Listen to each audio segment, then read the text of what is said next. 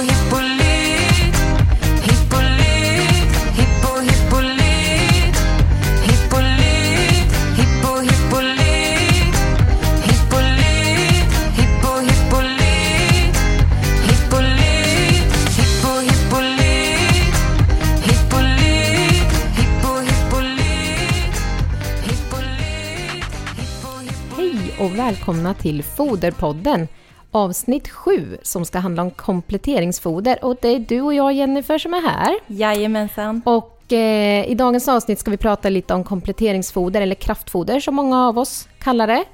Eh, och det är ju när grovfodret inte täcker upp för hästens näringsbehov som man faktiskt behöver gå in och komplettera på något annat sätt. Sen har vi ju faktiskt även vår kollega Charlotte med oss idag. Hej! Hej och välkommen! Hej Charlotte! Eh, och eftersom det är första gången du är med i podden så tänker vi att du måste presentera dig lite närmare. Ja, tack. Eh, jätteroligt att vara här. Eh, Charlotte heter jag och jag har jobbat för Hippolyt i tre år vid det här laget. Jag är hästtjej sedan eh, barnsben. Min mamma drog iväg mig till ridskolan när jag var bara typ tre år gammal och har ridit sedan dess. Ehm, till skillnad från mina kollegor så har jag en liten annorlunda utbildning för jag har studerat i Australien så att jag har i dagsläget en kandidatexamen i equine science eller hästvetenskap som det blir på svenska. Ni, ni var lite väl generösa när ni presenterade mig i det första avsnittet och sa att jag hade en master. Det har jag inte riktigt. Jag är ett exjobb iväg från en masters i equine science. Den är där snart. Ja, snart så har du den. Om ett år kanske. Ehm, så att ja, så det är jag. Eh, Jag älskar hästar och tycker det är väldigt eh, spännande djur och jag fascineras av dem eh, hela, hela tiden. Och vi har ju förmånen att både ha det på fritiden och att arbeta med det. Mm, Så det är ju toppenbra. precis. Mm. Ehm, om vi ska prata lite mer om det som avsnittet är tilltänkt för då, så är det ju kompletteringsfoder. Och det kan man ju dela in på lite olika sätt. Och vi har ju valt att dela in det så här. Och det är ju bland annat då att vi börjar med energifodermedel och proteinfodermedel. Och vi kommer börja prata om energifodermedel. Ja, och eh, då tänkte vi börja prata om spannmål, för det är ju väldigt vanligt och har varit väldigt vanligt länge att man fodrar hästar med spannmål. Och det vanligaste är väl egentligen då havre och korn som man använder just i Sverige. traditionellt sett. Mm. Eh, och ehm, de här spannmål har ju ett eh, högt energiinnehåll, så det använder man ofta om man behöver lite mer energi i sin foderstat. Ehm, och ehm, de innehåller ju ganska mycket stärkelse och det är ju härifrån stärkelsen som energin kommer. Och det finns ju lite begränsningar på hur man ska fodra med spannmål, just att den innehåller väldigt mycket stärkelse. Ja, man ska helst inte överutfodra på stärkelse för det kan ju faktiskt ha en ganska negativ eh, effekt på hästens mag-tarmsystem. Man säger generellt att eh, max 1 gram stärkelse per kilo kroppsvikt per måltid är det man rekommenderar. Och det här betyder, har vi en 500 kilos häst så kan man ge max 500 gram stärkelse per utfodringstillfälle. För det är det hästens tarm hinner med att spjälka. Mm. Så att man ska inte överutfodra stärkelse eller eh, kraftfoder som innehåller mycket Nej. stärkelse. Nej. Och det här pratade vi lite om när vi gick igenom hästens mag och tarmsystem på det, det avsnittet. Ehm, lite mer ingående om man vill höra mer om det, om man har Precis. missat det avsnittet. Mm.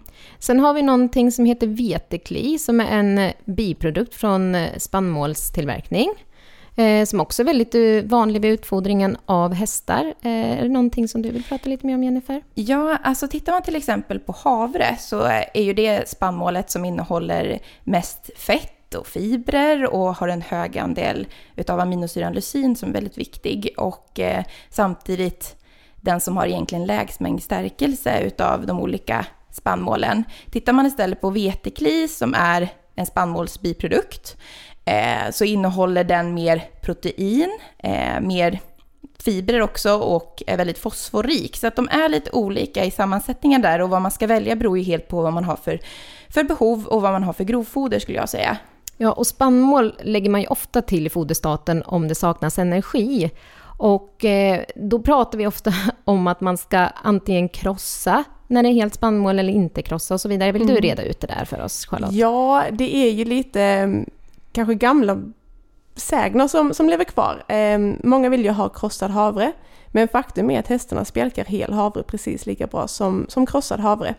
Och när det gäller korn, eh, hel eller krossad, hästarna spjälkar inte kornet så jättebra. Eh, Så det gäller att man egentligen förbehandlar kornet, kanske värmebehandlar eller stöper det innan man ger det till sin häst för, för bästa eh, foderutnyttjande. Och vi kan väl bara nämna att vi på Hippolyt, vi har ju en alldeles egna eh, processer som vi använder oss av som är lite unika. Precis, eh, Hippolyt förgror sina spannmål så att vi använder grodden istället för själva spannmålskärnan. Och det är ett väldigt bra sätt att öppna upp för enzymerna och eh, göra stärkelsen mer mottaglig för, för hästen. Mm. Och sen som sagt kan man stöpa och blötlägga. Det kan också vara bra att till exempel blötlägga kli eftersom att det lätt kan bli dammigt för hästen. Eh, sen finns det andra spannmål som man kan använda sig av. Ja, om man tittar på andra länder så är det ju väldigt vanligt att man använder ris och majs till exempel. Men eh, många av våra produkter som finns på marknaden innehåller också en del ris och majs. Och det är ju så att eh, i de länder där man lättare producerar till exempel majs, det är ju lite svårt för oss att odla i Sverige, framförallt när vi börjar komma upp i landet, så är det ju inte lika naturligt för oss att använda det här i Sverige som det är utomlands, där det är lätt att odla majs. Och jag tänkte att vi ska förklara kanske lite vad vi menar med stöpa. Eh, för det brukar jag kunna få frågan på från många Mm, ut det Jennifer. hästägare. Alltså stöpa det är ju att man blötlägger det och gärna i varmt vatten ungefär en timme. Så att det liksom blir ja, men blötlagt. Eller hur, hur skulle ni förklara det? Det, det, ja, det blir ju lite liksom uppvärmt typ, om man säger, lite uppmjukat. Eh, Mm. ja. Det, det, blir, det frigörs lite. Ja, Mm. precis. Eh, sen när vi kommer vidare eh, så, till sockerfodermedel, som faktiskt också är ett energifodermedel, så, så är det en restprodukt från sockertillverkningen. Och det innehåller ju därför mycket socker, eh, men även ett lågt innehåll av stärkelse. Eh, och här har vi då bland annat eh, melaserad torkade betfibrer som finns. Eh, är det någonting, Charlotte, som du vill prata om?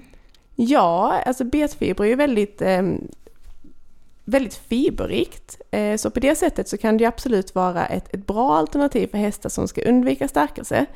Eh, däremot så har vi inte ett jättebra, en jättebra proteinprofil. Där blir inte alls mycket protein i det här fodret för hästen att utnyttja. Eh, och ja, har man en sockerkänslig häst så, så är kanske inte en melaserad eh, sockerprodukt ett, ett lämpligt alternativ. att komplettera med. Och generellt sett så brukar man ju använda de här fodermedlen, sockerfodermedlen, för att det saknas energi i foderstaten. Eh, och det är ju för att man eh, ska få upp energimängden. Mm. Och inte sällan används det eh, också sockerfodermedel för att kunna få i andra saker, eh, till exempel mineraler, till hästen. Ja, jag tycker det där är lite svårt, för jag tycker ofta att det är att man har kanske en lättfödd fet ponny och då ger man ofta eh, sockerfoder till de här, just för att de ska få lite extra. Och absolut, fibrerna är ju jätteviktiga och jättebra, men det många glömmer är ju att det är väldigt energirikt också. Och energi, det lägger ju sig på hullet, som vi vet, om det inte används upp i form av arbete eller sådär. Och, ehm, och just betfibrerna är ju väldigt rika på pektin. Och det är ju en fiber som är väldigt lättsmält i grovtarmen hos hästarna och det är ju det som gör att det är väldigt energirikt också för det är väldigt lättupptagliga fibrer Mm. i just betfibrerna. Sen har vi en annan eh, produkt, eh, eller restprodukt, som heter melass. Som du gärna får prata lite mer om också, Charlotte. Ja, eh, melass är ju väldigt, eh, kanske inte så mycket använt i Sverige som, som i andra länder. Jag vet när jag jobbade i ett eh, fullblodsstall i, i Australien så, gud vad vi fodrade våra hästar med melass. Alltså de fick ju decilitervis varje dag bara för att de skulle äta upp sitt, sitt foder. Det är ju väldigt smakligt. Det är ju en eh, restprodukt eh, och blir som en, en mörk eh, sirap kan man säga, som, som hästarna tycker är väldigt god. Ehm, kan vara bra aptithöjande eller då för att få i svårfödda hästar eller kräsna hästar sitt foder. Men återigen, det ska ju inte vara för de som är känsliga för för, för mycket socker. Nej. Och ett jättebra tips är också att tillsätta lite melass kanske i vatten eller ehm, så för att få i dem med vätska. Det kan ju även, eh. Över grovfoder, ringlöver, om hästen inte vill äta. Mm. Eh, när vi kommer in sen mer på fett så är ju olja det som man kanske mest tänker mm, när man använder fett till häst så att säga, som extra utfodring. Eh, och det är ju väldigt energirikt fodermedel. Eh, och eh, Jennifer, kan du utveckla lite mer hur, varför man använder olja och på vilket sätt? Ja, alltså olja är ju ett väldigt bra sätt att få mycket energi på en liten giva. Det är väldigt, väldigt energirikt. Och eh, det är också en biprodukt fast från eh, oljetillverkningen då. Eh, och Det innehåller ju ingen stärkelse. det innehåller ingen stärkelse, nej, men det finns ju ändå en maximalgiva där, lite som man behöver hålla sig till. Eh, Och om vi, om vi kommer tillbaka till avsnitt fyra så förklarade vi lite mer varför hästar inte kan äta så stora mängder fett. Nej, och det är just för att de inte har den här gallblåsan som vi människor har. Eh, Så det är bättre, om man ger en häst olja, så är det bättre att man ger den små giver ofta än att man ger en stor giva på en gång. Just för den sakens skull, för att de kan inte bryta ner det här genom att de inte har den här gallblåsan och gallsalter på samma sätt som utsöndras. Och, och att man tänker på att lägga till det väldigt, väldigt långsamt så att hästens lever hinner vänja sig vid det högre fettintaget. Så där brukar vi säga max en halv deciliter per vecka, att, att man ökar väldigt långsamt och successivt. Ja, och maximalgivan är eh, ungefär 75 gram olja per 100 kilo kroppsvikt och dag. Och det är till en stor häst på 500 kilo så blir det ungefär 375 gram, vilket motsvarar ungefär 4 deciliter olja. Så det är inte så stora mängder till de här stora djuren. Det är inte alls stora mängder och det man ska... Alltså jag får ofta frågan här vilken olja man ska välja och det tycker jag är en ganska svår fråga. För att eh, det skiljer sig inte jättemycket energimässigt när man tittar på olika oljor. Det jag tycker är viktigt att poängtera är att man väljer en olja som, har, som är en fo- tillverkad för just foderanvändning eller livsmedel. Då. Mm, livsmedelsbruk, ja. Mm. Eh, sen kommer vi vidare här och någon sak som vi ofta får lägga till när vi räknar foderstater, det är ju proteinkomplement för att det saknas protein i foderstaten eller i grovfodret. Och det för ju oss in på proteinfodermedel som också finns flera olika och de kan man ju dels mm, dela in i en fiberbaserad, fiberbaserad källa eh, och där har vi ju bland annat lucern och grönhavre som är eh, egentligen grovfoderkomplement också. Eh, men sen har vi några andra proteinkällor. Har du lust att nämna dem Charlotte? Jajamän. Ehm, ja, lucern och grönhavre, det, det nämnde ju du, det är ju som sagt ett, en gräs eller ett, ett växt, som, en växt som man skördar. Ehm, så att det, det ges i krubban men det är ju ändå som, som Linn sa ett grovfoder, en fiberbaserad källa. Sen så har vi linfrö som är väldigt vanligt att man lägger till och linfrökaka då framförallt. Eh, linfrökakan är ju restprodukten efter man har gjort linfröolja och den är också väldigt proteinrik. Ehm, så det kan vara ett väldigt trevligt alternativ för, eh, för hästar som ja, behö, behöver mer protein men inte mer stärkelse. Sojaprotein, det är också en restprodukt från, eh, från sojaoljeproduktionen. Och soja är väldigt eh, proteinrikt. Det ligger på ungefär 400 gram smältbart råprotein per kilo foder. Så det bör man ofta ska man bara tillsätta väldigt små Mm. mängder om man tillsätter soja i, Precis. i sin foderstat. Precis. Mm, Och vi kan väl nämna att vill man ha tag i GMO-fri soja så är det någonting som vi också har här på Ipolyt, Mm. eh, vilket inte är helt vanligt att få tag i. Som ingår i våra proteintillskott, ja. Ja, men precis. Mm. Ja, vi har ingen rent eh, protein eller sojaprotein eh, komplement utan det ingår i en annan, eh, vad ska man säga, färdigblandad produkt så att säga. Mm. Mm. Och sen så har vi potatisprotein också, eh, som också är väldigt eh, proteinrikt. Och även det är en restprodukt. Det är mycket restprodukter vi ger till våra hästar. Eh, det här är restprodukten från stärkelseutvinningen av eh, potatis. Och det, potatisproteinet ligger på 685 gram smältbart råprotein, så det är väldigt, väldigt högt. Mm. Och jag vet att det, att det tidigare i alla fall så har det varit ganska svårt att få tag på rent potatisprotein för det är en ganska efterfrågad produkt. Så att det är inte helt lätt att få tag på det faktiskt. Jag vet inte vad ni har för erfarenheter men just bara potatisprotein rent är inte alltid lätt att få tag på tycker jag i alla fall. Nej, brukar ofta vara tillsatt eh, i foderblandningar för att få upp proteinmängden lite. Och det kan ju vara... Ja, förlåt. när, när man pratar om protein också, det är inte bara, man, man ska inte heller bara stirra sig blind på att det är en viss siffra, eh, alltså en, ett visst proteininnehåll. Mycket handlar ju också om eh, profil, alltså proteinprofilen, vilka aminosyror där är. För hästarnas behov av essentiella aminosyror är ju, finns ju också där. Och, och fattas man, som Jennifer var inne på innan, till exempel lysin, som är en av de essentiella aminosyrorna, fattas man lysin i det proteinfodret man ger så har man ju ingen effekt av det proteinfodret. Så att en, en hög siffra säger tyvärr inte allt utan vi måste också titta på aminosyreprofilen i produkten när vi väljer till vår häst. Det är ju lite så. Det, alltså många gånger så tillsätter man någon, eh, till exempel då, eh, proteinkomplement som ligger väldigt högt eh, i sitt proteininnehåll, så behöver man inte ge så mycket och det blir ganska enformigt protein som man ger. Och då får man inte den här breda eh, aminosyreprofilen som man får om man ger en, en mer välsammansatt proteintillskott, men det kanske är lite lägre med protein sammantaget. Och sen så tycker jag också som potatisprotein kan vara ganska svårt att fodra med bara. Alltså eftersom att det är nästan som mjöl, det är svårt att få hästarna att äta det alla gånger också. Och man, det kan ju vara bra att välja flera olika proteinkällor då, att man kanske väljer lucern och kombinerar det med potatisprotein och ja, precis som du nämner. Och sen har vi ju ärtprotein och foderjäst också, Jennifer. Mm.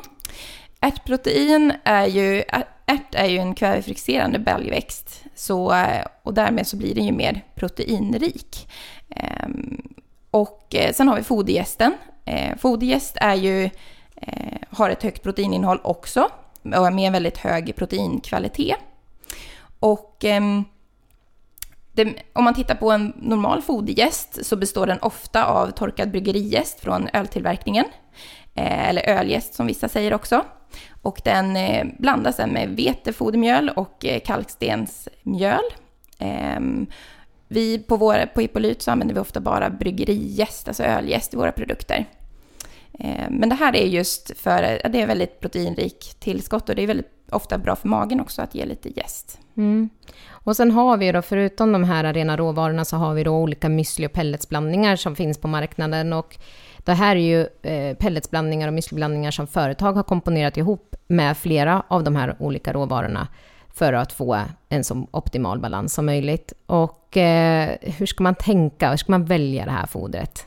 Ja, alltså det är ju en djungel eh, i hästfodervärlden. Där finns något för alla och, och lite till känns det som. Men, men jag tror att som eh, hästägare så gäller det först att titta på vad man har för häst. Eh, vad är min hästs behov? Och hur mycket rider jag den? Hur, hur är den i hullet? Är den lätt eller svårfödd? Och sen så givetvis, vad har jag för grovfoder? Eh, ett år kanske jag har ett jättebra grovfoder som innehåller väldigt mycket energi och protein och jag behöver bara egentligen sätta till ett mineraltillskott. Nästa år så kanske jag får in ett, ett grovfoder med alldeles för lite protein och då måste jag ju titta bland färdigfoderna kanske som är väldigt proteinrika. Så det, det är en, eh, en djungel, eh, men som sagt var, tittar man på ens häst och ens grovfoder så kan man välja eh, väldigt väl utefter det. Sen så tror jag det också är viktigt att komma ihåg de här som vi pratade om innan, stärkelse. Alltså, de allra flesta hästarna tål stärkelse, de kan äta ganska mycket stärkelse, men man behöver kanske inte välja har man en lite magkänslig häst som kanske har haft lite ja, men bekymmer med, med kolik och magsår eh, tidigare så kanske man inte behöver välja ett jättestärkelserikt grovfoder. Eh, Kraftfoder, tänker du? Ja, förlåt. Ni Sen vet vad jag så- menar.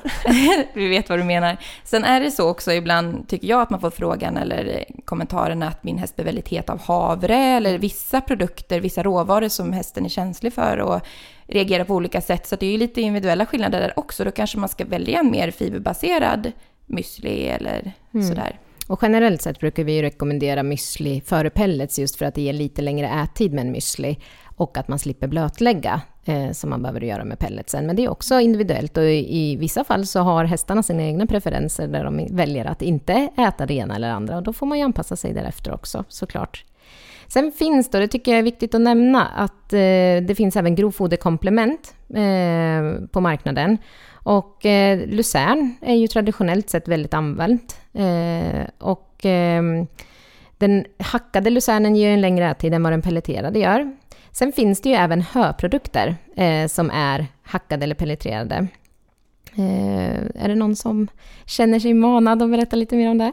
Ja, alltså i år så har vi ju, just i år 2018 då, så har vi ju ganska eh, stor foderbrist. Och då är det ju toppen att kunna blanda ut sitt grovfoderparti med, lite en, med en höprodukt, alltså en höpellets eller en hackad hö. Eh, just för den sakens skull. Fördelen också med om man har en, en kanske hackad hö eh, som är varmluftstorkad är ju att det håller en jämn kvalitet, jämn hygienisk kvalitet. Eh, så det kan ju vara bra att ha eh, ett tillskott, kanske bara att man drygar ut det med ett kilo per dag. Om man inte vill komplettera med ett kraftfoder om man har en känslig häst till exempel. Och jag använde ju själv eh, på min gamla häst som jag hade förut, så ett, ett eh, grovfoderkomplement som var hackat redan. Så att hon hade lättare att tugga när hon började få lite slitna tänder när hon var äldre. Och det fungerade jättebra, bara för att dryga ut grovfodergivan lite grann. Ja, och jag tänker också med, eh, med de här väldigt svårfödda individerna som ofta då inte heller har ro att stå och äta i 20 timmar om dagen. Tyvärr så finns det även de. Det är inte många som har det problemet, men det finns. Och då är en, en pelleterad hörprodukt ett väldigt enkelt sätt att få i dem mycket fiber via krubban. För ofta tycker de det är, ja, det går lättare på något sätt för dem att äta två kilo hö i krubban än vad det gör att äta två kilo hö från backen. För att, och unghästar så som ska liksom hålla på med annat i hagen och inte ha ro att stå och äta. Så där är det också ett väldigt effektivt sätt att få i dem mer grovfoder. Mm. Ja, det är ju stora individuella skillnader på hästar i både sitt ätbeteende och i övrigt. Så att, eh, det, det, är jätteviktigt. Och även då under resor och transport när hästarna kanske inte har ro att stå och äta eller att man har möjlighet att ta med sig så stora mängder mm. eh, grovfoder så kan man ge ett grovfoderkomplement för att få i dem fibrer av bra kvalitet.